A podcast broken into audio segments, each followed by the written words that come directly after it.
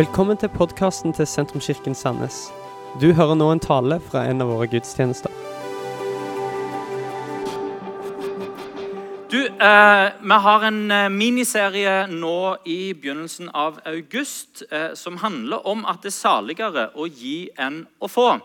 For to uker siden så delte, delte jeg eh, om motivasjon til å gi.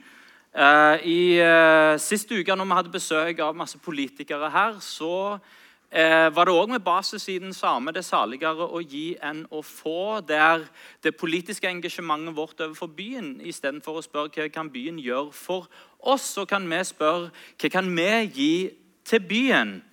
Eh, og I forlengelsen av, eh, av dette så har jeg lyst å eh, gi en invitasjon i dag som handler om at det er saligere å gi enn å få, der vi faktisk kan prøve, vi kan prøve Herren.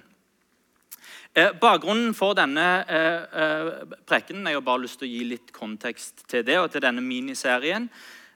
Og til den invitasjonen som og det har jeg lyst til at du skal høre. Dette er en invitasjon med ei åpen hånd som en gir til, til, til oss som kirke i dag. Og lyst til å si samtidig tilhører du ikke eh, Sentrumskirka, så, eh, så er det en invitasjon til kirka som du kan, eh, du kan ta imot invitasjonen, du òg, men den er ikke, den ikke retta til den som, som, er på besøk, men den er retta til kirka vår. Eh, bakgrunnen er at eh, til denne invitasjonen og til dette budskapet er en respons på et behov som har bygga seg opp denne våren, og som vi ikke har sett skikkelig effekten av før, rett før sommerferien og som vi trenger å adressere nå. Og det er rett og slett det at uh, I 16 år så har vi uh, drevet Sentrumskirka, og i 16 år så har vi hatt en kurve på den faste givertjenesten som har gått opp eh, litt, og, noen ganger mye, hvert år. Helt fram til 2019, og der har en hatt en negativ trend. Og I Sentrumskirka så er vi har alltid hatt nok til å kunne være sjenerøse og til å kunne gjøre det vi har lyst til å gjøre, mer eller mindre. Men det har alltid vært for hvert år små marginer. Hvilket betyr at òg små justeringer, negative justeringer vil òg ha en negativ effekt. Eh, og situasjonen er sånn, bare sånn, eh, sånn enkelt at eh, vi kan ikke fortsette sånn som det er nå. Det bør skje noe. Eh, og Siden vi har hatt en økning i fast givertjeneste hvert år siden vi starta, så tror, tror, jeg at det er mulig å snu en negativ trend òg eh, i år. Det er biten som handler om at det er et behov i Kirka akkurat nå. Samtidig har jeg lyst til å si til deg som har stort eierskap og som har stor givertjeneste, at uh, dette handler ikke om at ja, nå må du trykke til litt ekstra. Jeg har heller lyst til å gi en invitasjon til hele kirka. Uh, til alle som tilhører kirka, en invitasjon som er lik til alle sammen, og som er en bibelsk invitasjon. Du kan velge om du ønsker å ta den invitasjonen. Uh, og Du kan velge om du ønsker å ta den på strak arm, om du vil ta den med deg hjem. Snakke med ektefelle om det. Det bør en jo gjøre uansett eh, om du har lyst til å prosessere det, eller ta et valg på det eh, eh på strak arm. Det er opp til deg. Eh, og eh, Invitasjonen handler om å prøve Gud. Teste Gud, eh, faktisk. Testing kan være nødvendig. Troen testes. Alle som bestemmer seg for å, la, å sette troen i sentrum, troen på Gud i sentrum, vil få en test på troa. Den som satser på et ekteskap, eh, og som gir sitt løfte om i gode og onde dager, eh, så testes det løftet, og så testes kjærligheten. Familielivet testes, og forholdet til ens egne barn. Kanskje òg forholdet til ens foreldre. Det testes òg. Har du opplevd det at ja, der er venner som en virkelig Ja, men du er venn. Venn for livet. Og så testes vennskap. Eh, yrkesutøvelsen vår den får òg sine tester. Eh, kan jeg det jeg driver på med? Og Forholdet til kirka testes. Men kan vi da teste Gud? Jesus sier at vi skal ikke sette Herren vår Gud på prøve. Eh, og det er kanskje ikke så mange situasjoner som en kommer i hvor en skal gjøre det. Men det er en plass i Bibelen med en oppmuntres til å prøve Gud. Og det er dette bibelordet jeg kommer til å løfte fram i dag. Den invitasjonen det handler om å gi, det handler om å finne gleden i å gi. At det er saligere å gi enn å få. Og testen handler om Guds velsignelse i gaven og Guds velsignelse tilbake. Så invitasjonen handler ikke bare om situasjonen som er i kirka akkurat nå, men invitasjonen handler om et større perspektiv på det å gi og på sin egen givertjeneste. Og Da skal vi lese fra eh, Malakias 3, og du kan finne fram Bibelen hvis du har den med deg. Eh, og Vi skal lese fra en litt streng tekst. så eh, Dette er ikke en streng preken, selv om teksten er litt strenge. Eh, og det er òg fra ei forholdsvis streng bok. Så, så, så, vi leser teksten første. Den er fra Malakias 3, vers 6 og nedover. Jeg, Herren, har ikke forandra meg, og dere, Jakobs sønner, er ikke gått til grunne. Helt fra fedrenes dager har dere forlatt mine forskrifter og ikke holdt de. Vend tilbake til meg, så skal jeg vende meg mot dere, sier Herren over herskarene. Men dere sier, hvordan skal vi vende tilbake? Kan et menneske stjele fra Gud? Dere stjeler fra meg, men sier, hva har vi stjålet fra deg? Tienden og offergaven. Uh, og her er jo da et veldig strengt ord. Under forbannelse er dere, dere stjeler fra meg, fra meg hele folket. Kommer hele tienden til forrådskammeret, så det fins mat i mitt hus. Prøv meg på denne måten, sier Herren over herskarene. Jeg skal sannelig åpne himmelens luser og øse ut over dere velsignelse uten mål. De som eter opp, skal jeg skremme bort fra dere, så de ikke ødelegger åkerens grøde. Og vinstokkene på marken ikke kaster frukten, sier Herren over herskarene. Så skal alle folkeslag prise dere salig, for dere har et ettertrakta land, sier Herren over herskarene. Utgangspunktet for denne boka her er eh, generelt frafall. Eh, frafall blant israelsfolket. Prestene er korrupte. Eh, og de forvalter dårlig det som kommer inn til tempelet. Eh, I kapittel 1 så kan en se om at de eh, prestene kommer med de halte dyra og de blinde dyra. Og det ser ut som at prestene egentlig ikke bryr seg så voldsomt om hva som skjer. Og det sprer seg til folket, sånn at en blir likegyldig over det som skjer i kirka. Og En kommer ikke lenger med det første og det beste til Gud, men en kommer med det som er til overs. Og Malakias han refser Israels folk og kaller de tilbake igjen til Gud og gjør det med strenge ord. Eh, og Når vi leser en sånn tekst fra Gamletestamentet, så må vi alltid huske på å ta på oss brillene av Nytestamentet og nådens evangelium. For nåden, sier Paulus, den setter oss fri ifra lovens forbannelse. Nåden, sier Paulus, den setter oss fri ifra lovens krav. Så det å være en troende og det å ta imot nåden og ta imot evangeliet handler ikke om å ta imot en masse bud og forordninger som en må holde. En er satt fri ifra kravene, og en er satt fri ifra forbannelsen. Men så går det samtidig gjennom hele Gamle Testamentet så finner vi òg eviggyldige prinsipper som det går an å praktisere, eh, og som det går an å leve etter. Og Dette er da oppfordringen, den plassen hvor en finner oppfordringen. Å våge å prøve Gud. Hvordan kan vi prøve Gud? Og Det første eh, punktet mitt her i dag er å prøve Gud gjennom å gi hele tienden. Hva er tiende? er det første spørsmålet. Tiende er rett og slett praksisen å sette til side 10 av det en tjener. Eller sånn som i, en, jordbruks, eh, i, et jordbrukssamfunn sånn som her. 10% av det som en høster inn, og gir det som en gave eller et offer til Gud. Tiende ble praktisert blant mange folk i oldtida. Eh, og så har det blitt en innarbeida praksis blant jøder. Og senere har det blitt en innarbeida praksis blant kristne og et bibelsk prinsipp.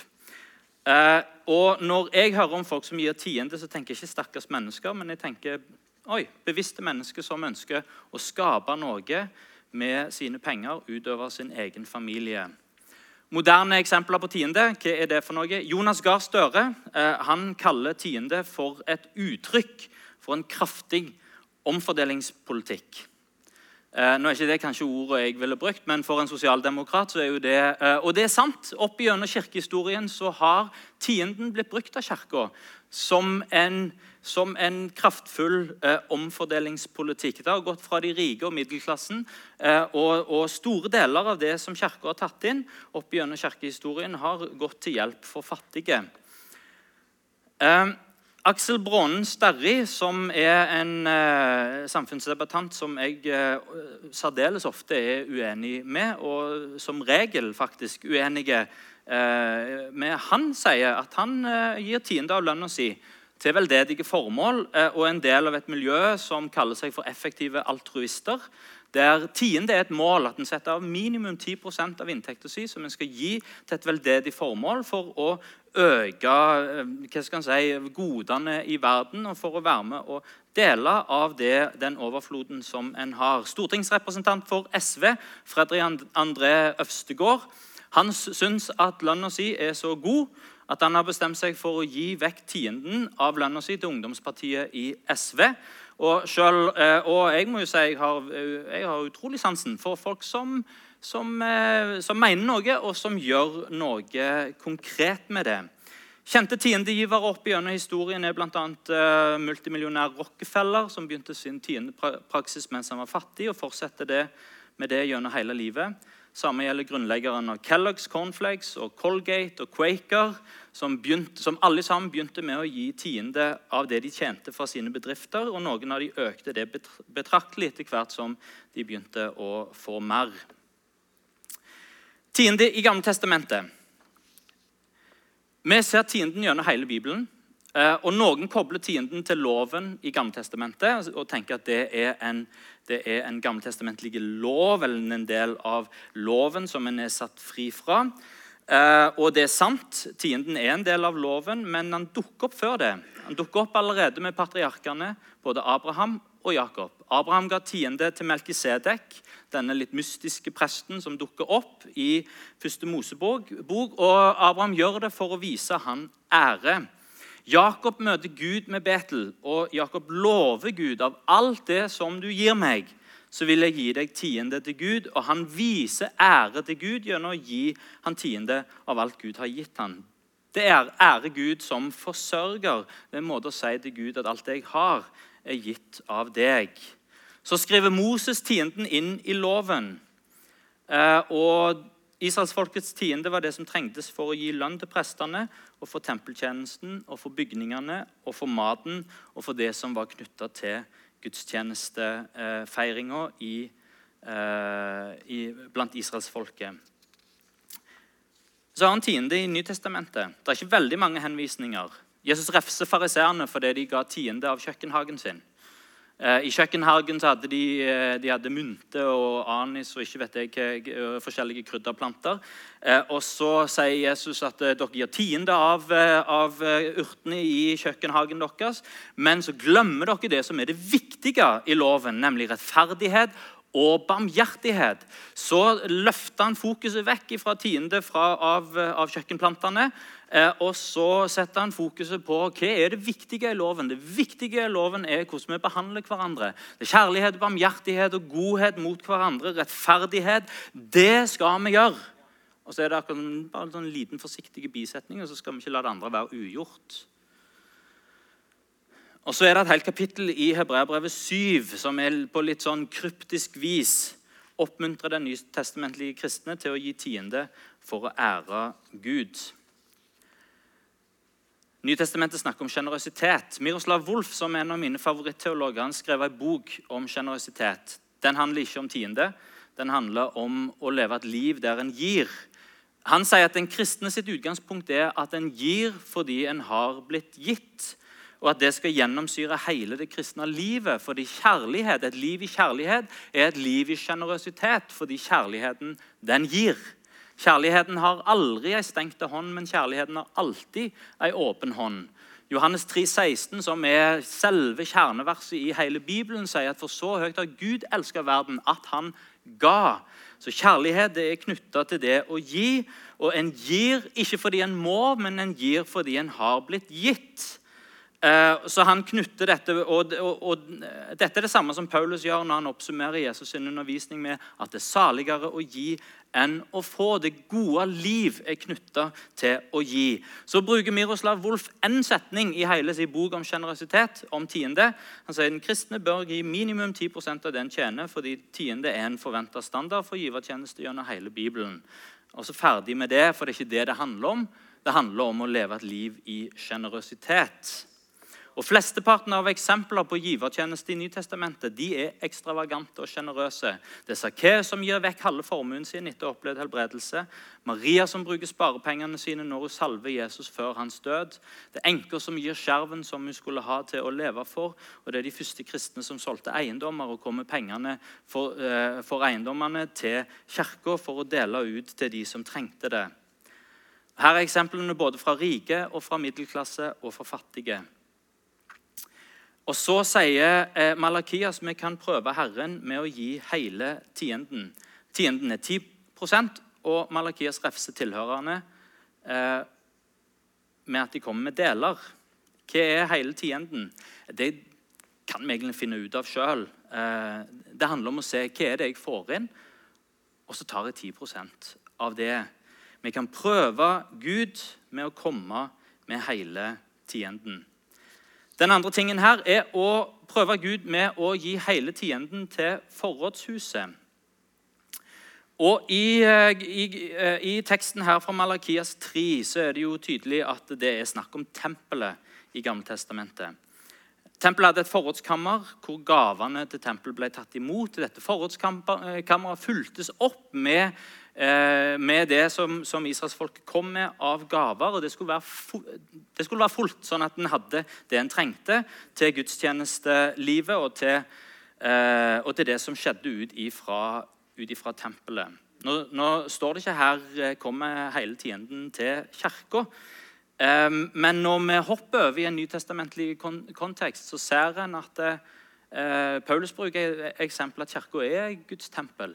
Dere er Guds bygning, satt sammen til et hellig tempel for Gud. Tempelet er nedrevet, det fins ikke lenger. Hva er det Gud bygger nå? Han bygger seg et hellig folk. Eh, han bygger seg et hus på jorda. Eh, og, og Kirka har på en måte tatt den plassen. Eh, så Jeg klarer ikke annet enn å se når Malakia sier 'kommer hele tienden til forrådskammeret', så må jo det handle om Kirka, som er Guds hus. Og fortsatt så handler det om de samme tingene. Det handler om lønn, det handler om bygninger, det handler om mat og det handler om litt administrasjonsgreier og så handler det om hjelp til de fattige. Ting har ikke endra seg så veldig mye. Og Hver enkelt kirke er begrensa i sin tjeneste ut ifra hvem og hvor mange som tilhører kirka. Stor kirke med mange i tjeneste kan utføre en annen type oppdrag enn lite kirke med få i tjeneste.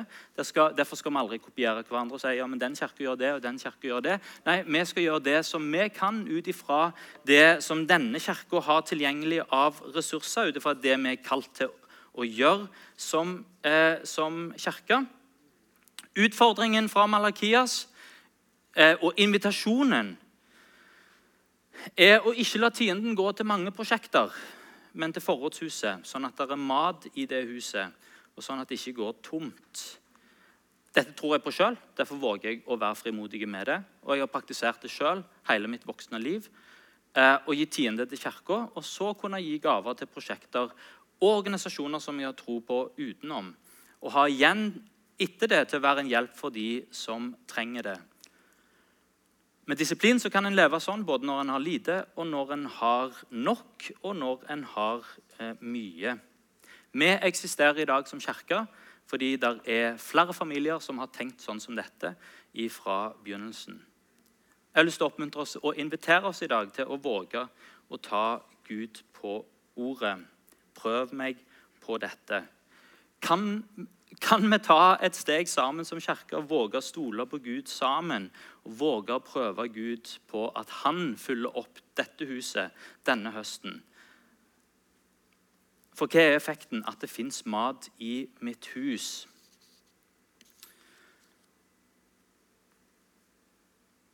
Gjennom hele GT så, ikke, så, så, så, snakkes det om tiende, men det snakkes òg om det som heter førstegrøten. Å gi til Gud først. Eh, og Malakias legger til en annen liten ting òg, å gi det beste til Gud. Eh, ikke komme til tempelet med det som en ikke trenger sjøl, med det som er til overs. Og Det er noe litt gjenkjennelig i dette. Eh, når en skal bytte sofa, fordi at den sofaen en har hjemme, den begynner å bli litt gammel, og så har jeg lyst på ny, hva gjør jeg med den gamle sofaen? Jeg spør kirka om trenger kirka en sofa. Eh, så er det vinn-vinn. Det er bærekraft. Kirka får en sofa gratis, og jeg får en ny sofa.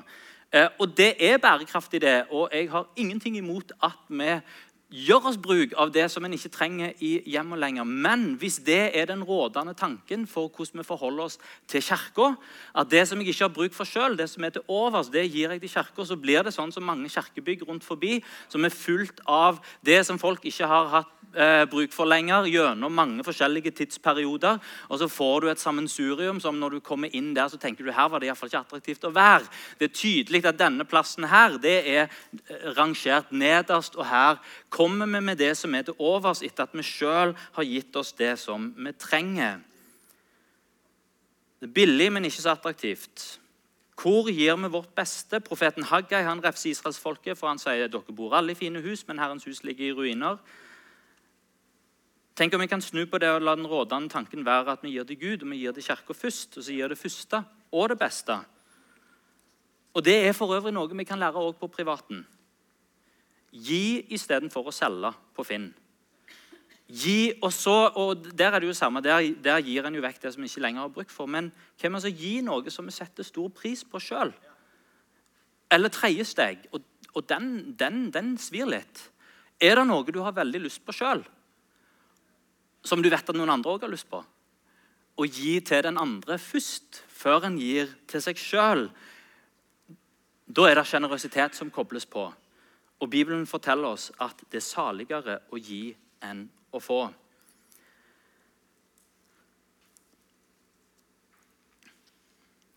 Min påstand er når vi gir hele tienden, så har Kirka nok ressurser til å utføre hele oppdraget. Kobler vi på på den måten, så har vi alt vi trenger til nye ansettelser. Vi har alt vi trenger til å kjøpe nytt bygg. Vi har alt vi trenger til å videreutvikle musikkarbeidet vårt, til å støtte nye misjonærer og kirkeplantere. Alle ressursene til å utføre det som vi er kalt til å gjøre. Vi vil ikke bli større over natta, men vi har mer enn nok til det som vi er kalt til. Kanskje fins det en liten tanke, eh, og den tanken har jeg iallfall tenkt sjøl. Det er jo fryktelig dyrt med kirke i Norge. Hvorfor gi til Kirka i Norge når en får så lite for pengene? Hvorfor heller ikke gi ut av landet, der pengene rekker så mye lenger? Det er litt som å si at det er dumt å kjøpe mat eller hus i Norge fordi det er så dyrt. En får mer ut av pengene hvis en kjøper mat i India.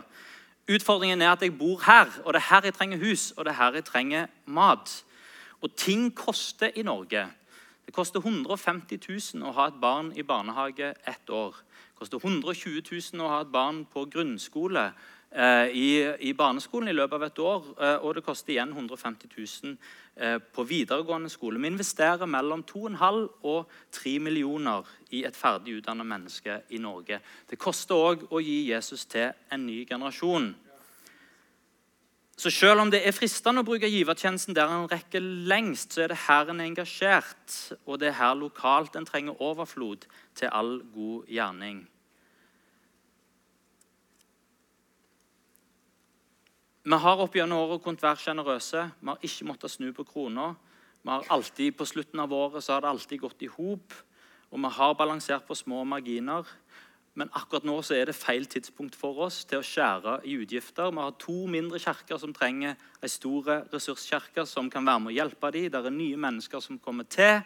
Det er ungdomsarbeid som trenger ressurser. Det er store barnekull som blir født. Det er store barnekull som er i ferd med å gå fra barn til ungdom. Eh, og de, de, de, Jeg har lyst til å være frimodig på Kirkens vegne. La det være mat i dette huset. Og la oss gjøre det gjennom å prøve Gud med å gi hele tienden til Kirka. Og Da kommer jeg til avslutningen her, som handler om at prøven inneholder Guds velsignelse. Her blir det veldig konkret. For det er jo ikke sånn at vi til enhver tid har råd til å begynne å gi Og ingen skal presses til å gjøre noe som de ikke ønsker. Enhver er herre over sin egen økonomi og velger hvordan en forvalter den. Eh, så, så, men her er det en invitasjon som Gud gir eh, gjennom Skriften. At vi kan prøve han, at han vil åpne himmelens luse og øse velsignelse utover oss i rikt mål. Eh, og kanskje er velsignelse nummer én økonomisk disiplin. Forbrukerøkonom eh, i Nordea, eh, Elin Reitan, hun sier at eh, i Norge er det nesten ingen som opererer med budsjetter. Og veldig mange har ikke kontroll på hva som går inn og ut hver måned. Og En fjerdedel av nordmenn bruker opp hele lønna si eh, hver måned, sånn at en, en lever fra måned til måned. Eh, å velge å sette av eh, tienden, det gir økonomisk disiplin. Eh, og her er det en, eh, en eh, økonomiforvalter fra USA, Andrew McNair, som er talsmann for tiende. Eh, han er ikke pastor, han er økonom. Eier Swan, som er et forvaltningsselskap som hjelper familier å forvalte pengene sine. Hans selskap har konsultert mer enn 100 000 familier angående sin forvaltning og sin privatøkonomi hjelper de å få avkastning. Hans observasjon er dette. Eh, og han sier jeg har sett større framgang og glede hos de familiene som praktiserer tiende, og så knytter han det til økonomisk disiplin. At For å kunne gjøre det, så må du ha disiplin over hvordan du bruker økonomien. Og du må ha et En må ikke, men det hjelper med et budsjett. Et budsjett det planlegger hva vi prioriterer, og et regnskap følger opp etterpå at det blir sånn som en har eh, planlagt. Og når budsjett og regnskap stemmer overens, da lever en sånn som en tenker. Her er det en velsignelse av å kunne planlegge, av å ha budsjett og å ha kontroll. Så er det en velsignelse nummer to. Eh, det er tiende, det å sette av tiende. Det hjelper oss til ikke å overforbruke. Det hjelper oss til å finne bærekraftige løsninger. Det hjelper oss til å legge av penger til i morgen. Jeg vil våge påstanden at når en begynner, eh, når en begynner disiplinen å gi tiende, så vil det òg være enklere å sette av penger til å spare. Ikke sikkert det høres fornuftig ut, men den disiplinen som det gir, det hjelper en òg til å kunne spare for det som skjer i morgen. Så har vi en norsk velsignelse som jeg ikke er usikker, er usikker på om Malakias tenkte på, og det er skattefradrag. Eh, og Norske myndigheter har vært sjenerøse med de som velger å gi. En gir opp til skattefradrag på gaver opp til 50 000 kroner i løpet av et år. Det er ganske mye. Eh, det er en rik velsignelse. Da, av, da slipper en å betale skatt for de pengene som en gir, opp til 50 000. Og så lover så er det neste velsignelsen det er det, disse positive tingene som vi ikke har kontroll på. Malakias lover at Gud skal åpne himmelens luser øse ut velsignelse i rikt mål. Og Hva er disse himmelens luser? For de bøndene som hørte på, eh, og som, som, som, fikk denne teksten for 2400 eh, år siden, så handla dette om været. Himmelens luser, et bilde på, på, på regn og på sol og det som trengs for å få gode avlinger. Så bonden sådde sitt korn, ga sin tiende og sådde sitt korn og ba til Gud. Gud, velsign du denne avlingen, at den blir rik og så lover Malakia se, jeg skal åpne himmelens luse og øse ut over deg rik velsignelse. Kanskje er det lønnsforhøyelse på jobb, kanskje er det en bonus, kanskje er det en forfremmelse, kanskje er det i det hele tatt å få en jobb. Eh, det kan være søknader som går inn, det kan være huskjøp eh, som eh, der en kjøper et hus og en får det for en fantastisk pris. Det kan være huskjøp der en får solgt et hus for en fantastisk pris. Det kan være forsikringer som ordner seg. Det, det, det ordner seg noe godt. Ikke, det er disse tingene som vi ikke har kontroll over. Og Det er mange ting i vår økonomi som en ikke har kontroll over. Og Her sier Malakias prøv meg på dette om jeg ikke vil åpne opp de tingene som du ikke kan kontrollere, og velsigne deg rikt. Og så er den, eh, den neste velsignelsen er den negative som vi ikke har kontroll på. Et løfte om å holde vekke de som eter opp gresshopperne at de ikke skal ødelegge for eh, avlingen på ågeren, som handler om beskyttelse, at Gud lar det lykkes. Jeg tror at Gud er mektig til å beskytte òg vår økonomi. Kan jeg stole på dette? Fungerer dette? Og Jeg skal ikke stå her og love et plussregnskap for deg. Men Skriften sier at Gud lover å øse ut sin velsignelse, og at vi kan prøve han på dette, og det ser forskjellig ut fra forskjellige mennesker. Jeg er frimodig, for jeg har sett det virke. Høsten 1994, og dette er mitt personlige vitnesbyrd Høsten 1994 så var jeg ferdig på videregående. Eller det er ikke sant. Jeg var ferdig på videregående våren 1994 og var russ 94. Da bestemte jeg meg for at den, til høsten skal jeg gå på bibelskole. For den iveren og den brannen som var på innsida gjennom, uh, gjennom ungdomsskole og, og, og, og, deler av barneskolen, den var, liksom, den var slukna litt på videregående. Uh, og jeg ville vekke opp igjen det som hadde brunnet på innsida og ha et år vekke hvor jeg ble bedre kjent med Gud. En ting som var blitt kalt i løpet av de årene på videregående, det var givertjenesten. For Jeg hadde lært å sette til side 10% av når jeg fikk ukelønn, eller når jeg eh, jobbet om sommeren med å male hus. Så fikk jeg eh, penger for det og satte til side 10 eh, og, og ga det til, til kirka som jeg tilhørte. Men så på videregående så begynte jeg å tjene litt mer penger. og tenkte vel egentlig at jeg trenger pengene mer sjøl enn det Kirka gjør. Eh, og bare glemte å sette til side de 10 da. Eh, så den, eh, den, våren, når jeg visste nå skal jeg, på, nå skal jeg på bibelskole til høsten, da skal jeg ta masse gode avgjørelser, så bestemte jeg meg for å ta en av de avgjørelsene før jeg begynte på bibelskole. Eh, og da tok jeg tak i dette verset her. Kommer hele tienden. Og det jeg gjorde, for, for, min del så var det å gå tilbake de tre åra og se det var, ikke, det var, ikke, så mye penger det var snakk om, men, men eh, det var litt her og der. Og se, for jeg hadde spart alt sammen, selvsagt, som, en, eh, som, som den, eh, den gniende uh, unge mannen jeg var. Så gikk jeg tilbake og så hva, hva jeg har tjent disse tre åra. Så satte av 10% av det og tok det ut. Eh, og kom med det til kirka, for da var det bygging på gang. Og en eh, samle inn penger til et byggefond. Og tenkte at det eh, Nå tar jeg Gud på ordet. Det som skjedde etterpå for min del, det var Guds løfte i aksjon. Da hadde jeg gått tolv år på skole, aldri hatt en skikkelig jobb. Eller sånn fast jobb. Jeg hadde eh, avløser og maler om sommeren, men aldri sånn jobb på en skikkelig plass. Eh, og Da fikk jeg tilbud om en seks ukers sommerjobb. En ekte jobb med 85 kroner timen. Det var veldig mye penger på den tida. Eh, på en ekte arbeidsplass med godt voksne folk med skikkelige timelønn og mye overtid. Det var 50 overtid etter klokka fire, og det var 100 overtid etter klokka ni og i helgene. Eh, og det som jeg fant ut ganske fort, det var at de trengte overtid eh, hele tida. Og det som jeg også fant ut, at den som alltid er villig til å ta overtid, den får alltid overtid òg. Så ja, du, Kvammen. Ja, Kvammen. Eh, så hver gang de kom inn, formannen kom inn, hvem vil jobbe overtid, så var min hånd oppe. Og jobbet overtid hele den sommeren. Og så fant jeg ut at de trengte jo, de trengte jo folk mye lenger enn seks uker. Og jeg skulle ikke begynne på bibelskolen før utpå høsten, så jeg fikk jobbe der hele sommeren og helt fram til jeg dro på på bibelskole.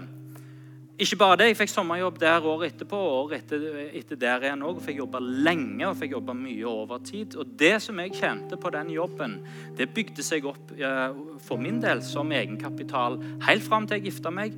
Eh, og vi skulle kjøpe vår første bolig. Så var det på min konto masse penger eh, som jeg tenker det var Gud som åpna himmelens luse, og som øste sin velsignelse over en ung mann som vågde å stole på at det er sant at en kan prøve Herren, og med sin økonomi. Og vet du hva, Jeg har hørt så mange historier som peker i samme retning. Og Det lover ikke at det, altså, vi forstår at velsignelse og dette som Gud øser utover oss, det handler ikke om et pluss- og minusregnskap. Men det handler om å våge å stole på Gud, så velsigner han oss tilbake. Såpass at vi kan våge å gi den invitasjonen. Prøv meg på dette om jeg ikke vil løse velsignelse utover ditt liv. Det er en invitasjon til deg. Du kan eh, ta imot invitasjonen om å prøve Gud gjennom å komme med hele tienden til forrådskammeret. Kanskje kan du ta imot den invitasjonen med å bevege deg mot dette. Kanskje er det for noen en inspirasjon til å begynne å gi. Vi kan våge å stole på Herren òg for økonomien vår. Kan vi ikke ta oss og reise oss? Dette var slutten på denne talen. Håper du har blitt inspirert. Om du har lyst til å vite mer om hvem vi er, eller hva vi gjør, eller har lyst til å høre flere podkaster, så kan du besøke vår nettside sentrums.no.